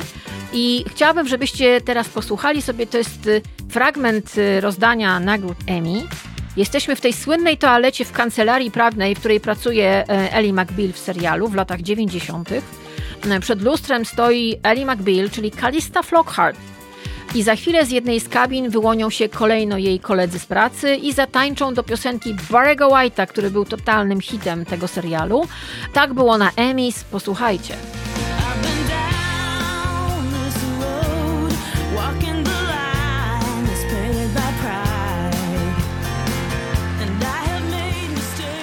I knew I drank too much water. Had to take my Spanx off. I had to put my dress back on.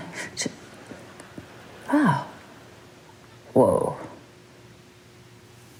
Girl, you look good. Gwiazdy, które widziały już wszystko, gwiazdy hollywoodzkie, zepsute, przyjęły to ekstatycznie, no bo nic dziwnego. To jest coś, co uderza w nasze, w nasze podbrzusze. Przy okazji wróciła Kalista Flockhart. Kalista Flockhart, która grała główną rolę w serialu Ellie McBeal. Przypomnę, ten serial był emitowany w Stanach Zjednoczonych w latach 1997-2002, w Polsce 1998-2003. Dwa pierwsze sezony są wybitne, są po prostu absolutnie genialne. Czwarty jest świetny, bo wchodzi Robert Downey Jr., ale piąty niestety jest fatalny i po piątym skończono robić ten serial. Ale rzeczywiście serial Ellie McBeal zdefiniował, i o tym się dzisiaj otwarcie pisze, tak jak lata 90. Mm, widziały kobietę. Przede wszystkim oczywiście wygląd Kalisty Flockhart, który wzbudzał ogromne zainteresowanie. Ona jest naturalnie bardzo szczupła. Do dziś jest po prostu jest niesłychanie szczupła, to widać dalej, występuje w opowieści o Trumanie Capote i jego, jego łabędziach. Jest serial, który mam nadzieję niedługo pojawi się w Polsce i tam gra Lira Dziwił, siostrę Jacqueline Kennedy i jest genialna. Lira Dziwił też była naturalnie chuda i tutaj rzeczywiście Kalista pasuje do tego idealnie, nie tylko dlatego, że jest naturalnie chuda, ale po prostu jest też fantastyczną aktorką, o czym trochę wszyscy zapominają. Dzisiaj wielu z nas Ellie McBeal kojarzy się z tym, że była tam jakaś bardzo chuda aktorka, którą podejrzewano o anoreksję i przez nią tak pisały wtedy media. Wiele kobiet wpadło w tą anoreksję. Też wiele e, gwiazd Hollywoodu wtedy było na słynnej diecie 300 kalorii. Tak naprawdę. Nie było jeszcze ozempiku, nie było leków na odchudzanie i dziewczyny po prostu nie jadły. To jest też okres, kiedy no, moda wymuszała na kobietach, a kobiety się godziły jeszcze wtedy na różne dziwne sytuacje, wymuszała to, że na przykład jak nosisz nisko opuszczone spodnie e, i masz ścięty pod biustem top, no to nie możesz mieć brzucha, tak? Czyli musisz przestać jeść. Więc rzeczywiście od tej strony Ellie McBeal, która była szczuplutka, wręcz taka, takie chucherko, miało się wrażenie, że przy większym powiewie wiatru ona po prostu się przewróci. No, wydawała się idealnym wrogiem numer jeden, ale na chwilę to przerwijmy. Pamiętacie tę piosenkę z serialu Ellie McBeal?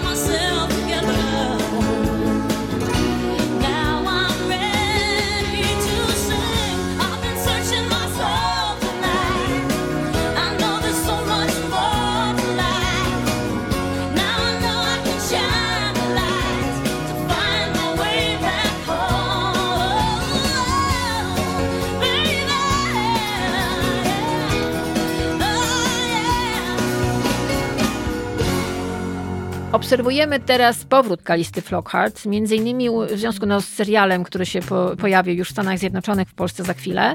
FOD, Capote versus Swans. No i udzieliła masy wywiadów, między innymi w New York Timesie, gdzie przyznała, że strasznie tęskniła za tą bohaterką, którą gdzieś odrzuciła do szafy, bo zajęła się zupełnie czymś innym. Jest żoną e, Harrisona Forda, mają razem y, dom, zwierzęta, funkcjonują bardzo fajnie, ale ta Ali McBeal, bostońska prawniczka w zbyt krótkiej y, spódniczce, dziewczyna, która miała różne maxi nerwice, no dzisiaj byłaby moim zdaniem ulubioną bohaterką różnych mm, instagramowych terapii, no bo to jest jedna wielka chodząca nerwica, nerwica natręt, różne ma wizje, różne ma fobie, ale też dziewczyna, która skłonna jest do niesamowitych, spontanicznych akcji, jak na przykład owe tańce w toalecie. W serialu Ali McBeal co też było bardzo ciekawe, toaleta, w której spotykają się e, bohaterowie serialu, jest dla wszystkich płci, jest unisex po prostu. Więc nic dziwnego, że tam dochodziło do różnych rzeczy i ludzie tańczyli, śpiewali, wygłupiali się, ale też potrafili sobie nawrzucać. I rzeczywiście do tego wszystkiego ta ścieżka dźwiękowa, głównie z Barrym White'em i rzeczywiście opowieść trochę o latach 90. i dzisiaj e, Kalista Flockhart mówi wprost, stęskniłam się za nią i fajnie znowu wrócić. Widać, że jest w fantastycznej formie i to jest naprawdę aktorzyca. Myśmy trochę jej nie doceniali, bo przykryła nam, przykryła nam odbiór tej fajnej babki, to jak ona wygląda, to też jest kompletnie chore. A pamiętacie, jak Kalista Flockhart śpiewała Santa Baby? Patroni dostaną ten klip oczywiście. Dzisiaj jest on strasznie niepoprawny politycznie, bo w ogóle ten serial, dzisiaj jak się go obejrzy, jest jedną wielką niepoprawnością polityczną, ale fajnie, że powstał. Niektórzy będą krzyczeć o uprzedmiotowieniu, ale jak to się ogląda? Jak to się wspomina Santa Baby?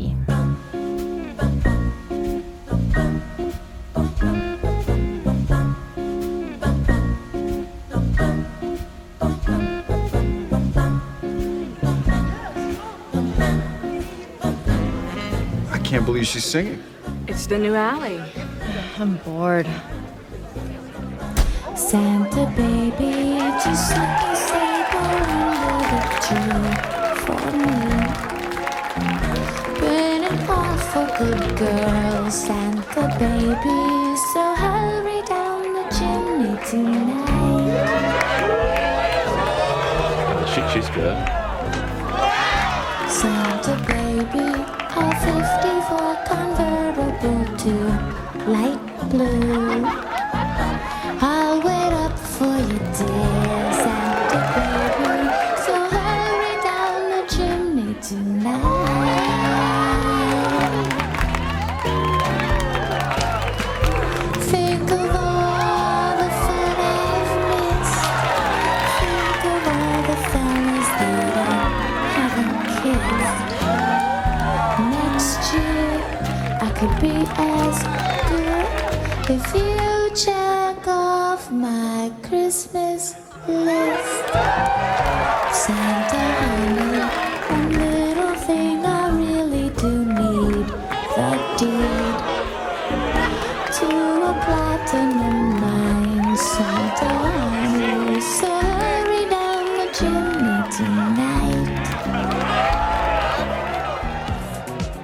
Sławy y, Kalista Flockhart zniknęła ze sceny i po prostu zamieszkała sobie z Harrisonem Fordem w swoim domu. Skupiła się na wychowaniu swojego dziecka, którego y, adoptowała na rok przed poznaniem Harrisona Forda. Ma teraz 59 lat, no i gra właśnie Lira Dziwił y, w najnowszym serialu Ryana Murphy'ego Ford Capote vs. The Swans. To jest zupełnie nowa, nowy serial, który się teraz pojawił w Stanach Zjednoczonych, oparty gdzieś o książkę, którą wam, o której Wam mówiłam w zeszłym roku, Kobiety Capotiego. E, Link dostaną patroni. Uważam, no ten serial za chwilę wejdzie w Polsce. Fajnie byłoby jeszcze sobie przypomnieć tę książkę, która jest właśnie opowieścią o dokładnie tych bohaterkach, które występują w tym serialu. No i Flockhart po prostu lśni. Znaczy, ja czytam recenzję tego serialu i wszyscy piszą, Boże, ten serial w ogóle ma obłędną obsadę. Ale to, jak tam wygląda Kalista, dawna Ellie McBeal, ale w ogóle nie pamiętamy o tym teraz, bo nagle widzimy kobietę no po prostu w, w rozkwicie absolutnym. Będę mówiła pewnie więcej o tym serialu, jak on się jeszcze pojawi w Polsce, bo tak jak mówię, ja jestem fanką tej, tej sytuacji, która jest tam opowiedziana i to jest opowieść o tym, jak Truman Capote, e, ulubieniec socjety nowojorskiej, głównie kobiet, żon bardzo bogatych mężczyzn, kobiet, które były fotografowane przez magazyny Vogue i które były stawiane na piedestale, uznawane za ikony stylu i w ogóle wszystkiego. On był ich takim spowiednikiem, no bo gej jest najlepszym przyjacielem dziewczyny. Oni już wtedy to wiedzieli. On między innymi właśnie y, przyjaźnił się z Lira Dziwił i wyciągał od nich różne historie. Tak? Wiedział o nich po prostu wszystko. O operacjach plastycznych, aborcjach, zdradach, o wszystkim po prostu. No i w pewnym momencie, słuchajcie, y, ujawnił te tajemnice, no i stał się czarną owcą nowojorskiej socjety i te same kobiety, które uwielbiały go i chodziły z nim do teatru, do opery, on był ich naprawdę przyjacielem, w ciągu sekundy stały się jego największymi wrogami. To jest opowieść o tym. Z tego, co czytam, recenzje są bardzo dobre i wszyscy podkreślają, że to nie jest tylko jakaś tam plotkarska opowieść, to jest w ogóle opowieść o tym, jak łaska pańska Nawiązując może trochę do początku audycji, na pstrym koniu jeździ. E, ja czekam bardzo na serial Ford, który podejrzewam niedługo będzie w Polsce. E, książka Kobiety Kapotego, Śniadanie u Tiffany'ego, Mroczne Sekrety i Zdrada w świecie glamour. Link dostaną patroni. To jest bardzo fajna lektura, obowiązkowa przed serialem. I teraz posłuchajmy, to jest jeden z teaserów zapowiadających ten serial. We made New York the capital of the world. Sex, money, betrayal. We've all done some awful things to each other. That perfume she wears, too much for a woman with her face. God, we hated each other. It hurts terribly when a great friendship is lost. She was always so jealous. What kind of predator does this? Grotesque little affair. Awfully fat. She's been a little nutty since the divorce. So poisonous. No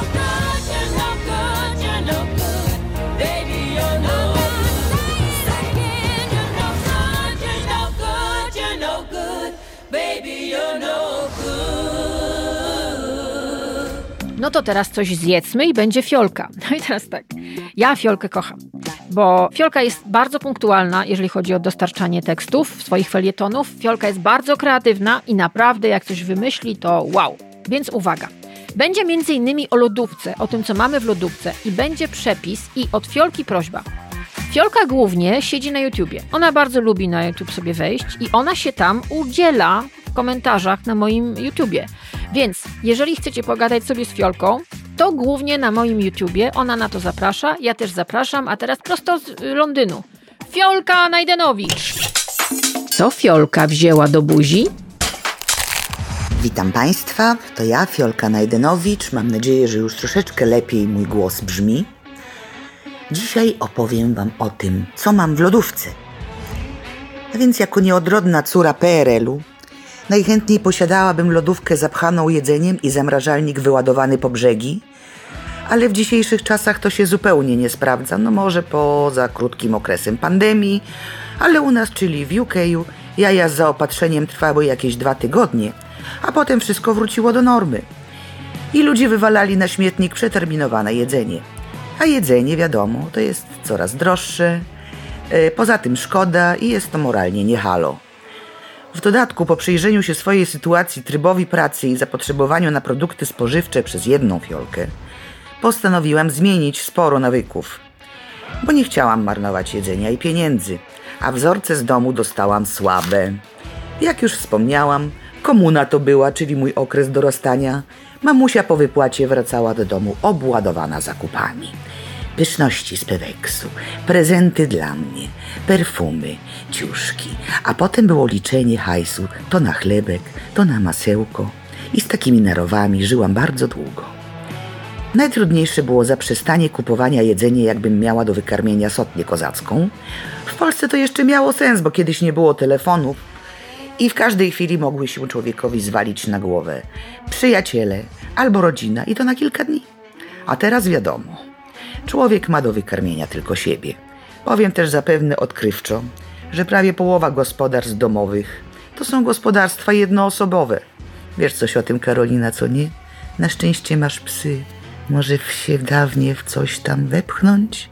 No, ludzie na wsi to mają lepiej jednak mimo wszystko, bo jak coś zostanie, to można dać kurom. Kury zjedzą wszystko, albo zrobić kompost. No ale w mieście. Chodzi mi o to, żeby nie marnować i nie wyrzucać jedzenia. Zaczyna się od zakupów. Trzeba je dostosować do swojego trybu życia i posiłków. Dam przykład swojej osoby. Ja pracuję w restauracji, zaczynam za kwadrans siódma rano, co oznacza, że muszę wstać o 4.30. Spróbujcie coś w siebie wdusić o 5 rano. Powodzenia. A zjeść coś muszę, bo tapsy na nadciśnienie nie mogą być przyjmowane na pusty żołądek, więc zazwyczaj był to croissant, Kupuje się je mrożone w maksiu i spaksiu, całą torbę, sru jednego do pieca na 15 minut i gotowe. Ale ja je przydawkowałam. Teraz zamawiam w szwedzkich delikatesach chrupki chlebek, na to pasta kawiorowa i hadzia albo serek. Nie ma więc sensu kupować normalnego chleba, czegoś do chleba. Wiadomo, obiad dostaję w pracy, a ponieważ, jak wspomniałam, ciężko pracuję w gastro, to nie chce mi się stawać przy garach w kuchni i gotować coś przez dwie godziny po powrocie. Przeważnie robię coś na szybko, jakiś dobry makaron, latem sałatka, albo zjadam sushi kupione po drodze. Co innego w weekend wtedy sobie dogadzam, jak kulinarnie, jak ksiądz kaśce. A to, co zostanie, to zamrażam i mam na kolację w tygodniu. I też nie przesadzam z zamrażaniem. Gromadzenie pożywienia jak za komuny nie ma sensu. Nie zjemy tej bardzo drogiej polędwicy wołowej, którą kupiliśmy w 2002 roku. Wiem, co mówię. Aha, i mam na dole polskie delikatesy. Mają zajebiste, ręcznie robione pierogi. Jestem mistrzynią pierogów, ale co bym zrobiła z setką pierogą? pierogów? Kosz? Bez sensu. Generalnie zasadę mam taką, że kupuję tylko to, co jest, e, co wieczorem zostanie zjedzone. Nawet ziemniaków nie mam w domu, no bo zakwitną. Nadkupuję rzeczy, które muszę mieć. Dobra oliwa do chleba i sałaty, najlepszą na jaką mnie stać. Oliwa do smażenia. Proszę mi się nie rzucać do gardła, że na oliwie się nie smaży. Mieszkałam w Hiszpie i we Francji. Smażą i żyją. Pomidory w puszce must have. Parmezan, czosnek, anchois, oliwki kapary. Do makaronu.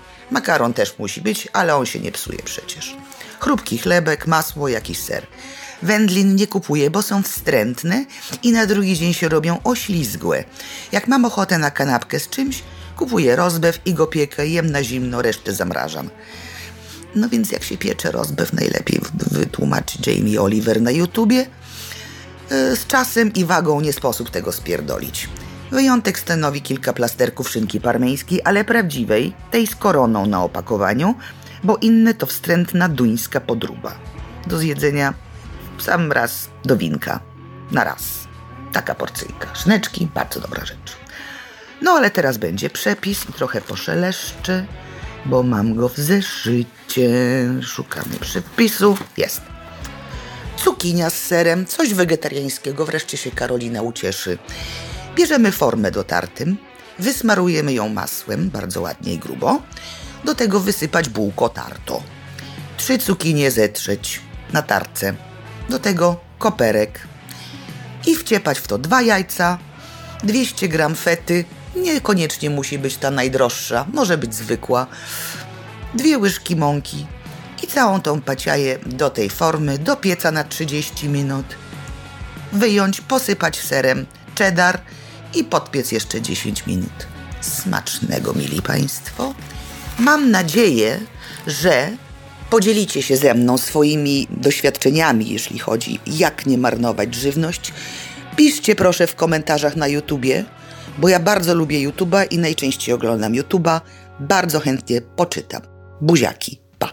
Słuchacie podcastu, który nazywa się Miesiączka. Zbliżamy się do końca podcastu Miesiączka i teraz pewnie wiecie, za chwilę będzie Katarzyna Kasia. Dokładnie tak.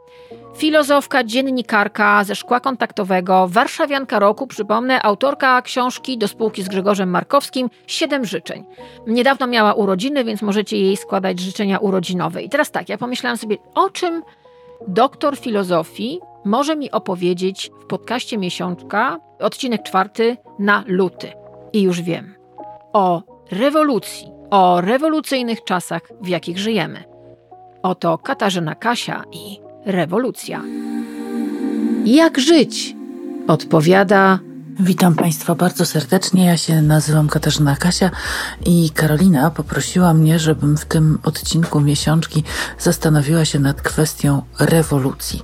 Więc będzie rewolucyjnie, a zacznę od 1543 roku, bo jeśli chodzi o naukę, to wtedy właśnie dokonała się jedna z rewolucji najważniejszych, bo mm, to był rok, w którym ukazało się drukiem w Norymberdze dzieło Mikołaja Kopernika. I pewnie by się Państwo zastanawiali, dlaczego ja do tego dzieła właśnie w tym odcinku chcę nawiązać, ale chcę do niego nawiązać, bo oryginalny tytuł brzmi De Revolutionibus Orbium Celestium, czyli o obrotach sfer niebieskich, jak Państwo na pewno doskonale wiedzą. No i co to znaczy? Bo mnie to szczerze mówiąc oświeciło. Oświeciło mnie to, że rewolucja ma w sobie coś z obrotu. Rewolucja, proszę Państwa, nie ma struktury linearnej, że coś się dokonuje, a potem dalej pędzimy ku świetlanej przyszłości prosto jak po sznurku czy po jakimś innym drucie. Nie. Rewolucja to jest obrót to jest e, sytuacja, która ma w siebie i w swoją własną definicję wpisaną ogromną dozę powtarzalności.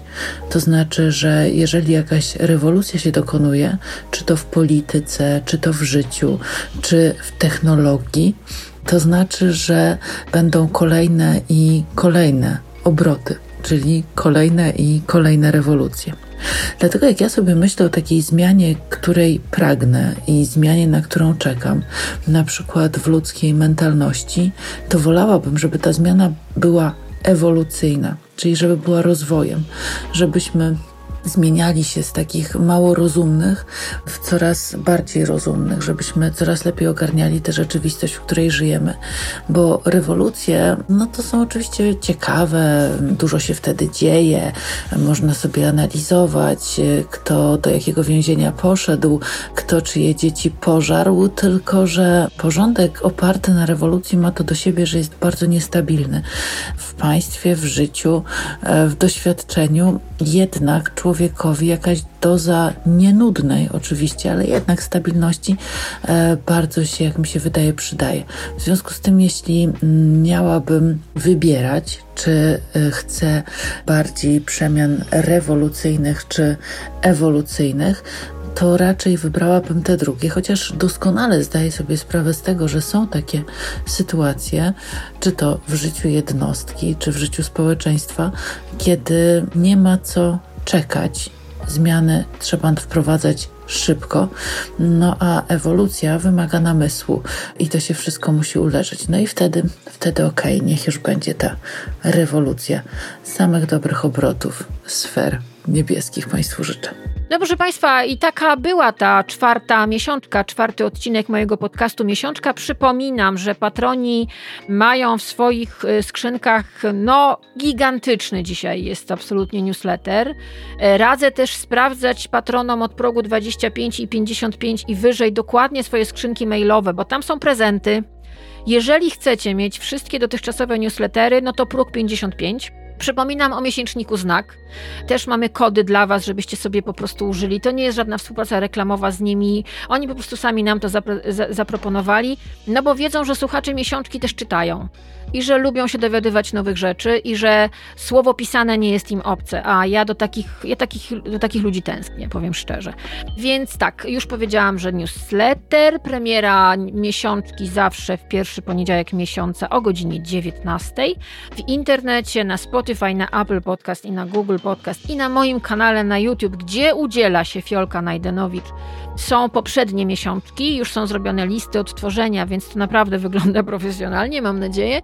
Bardzo Was proszę o subskrybowanie i podawanie dalej, bo to jest ważne. Tak jak mówię, to jest podcast dla dorosłych, w związku z tym wiecie, zdebilniałe algorytmy Facebooka, no dzisiaj było o Zuckerbergu, no kompletnie nie są w stanie sobie z tym poradzić i robią wszystko, żeby nas udupić, więc ja bym bardzo prosiła, żebyście podawali dalej, tak po prostu po ludzku. No i to, co jest za oknem. Właśnie nagrywam teraz jest słońce. Bardzo tęskniłam. Ogromnie tęskniłam za tym słońcem. Jestem bardzo słońcolubna.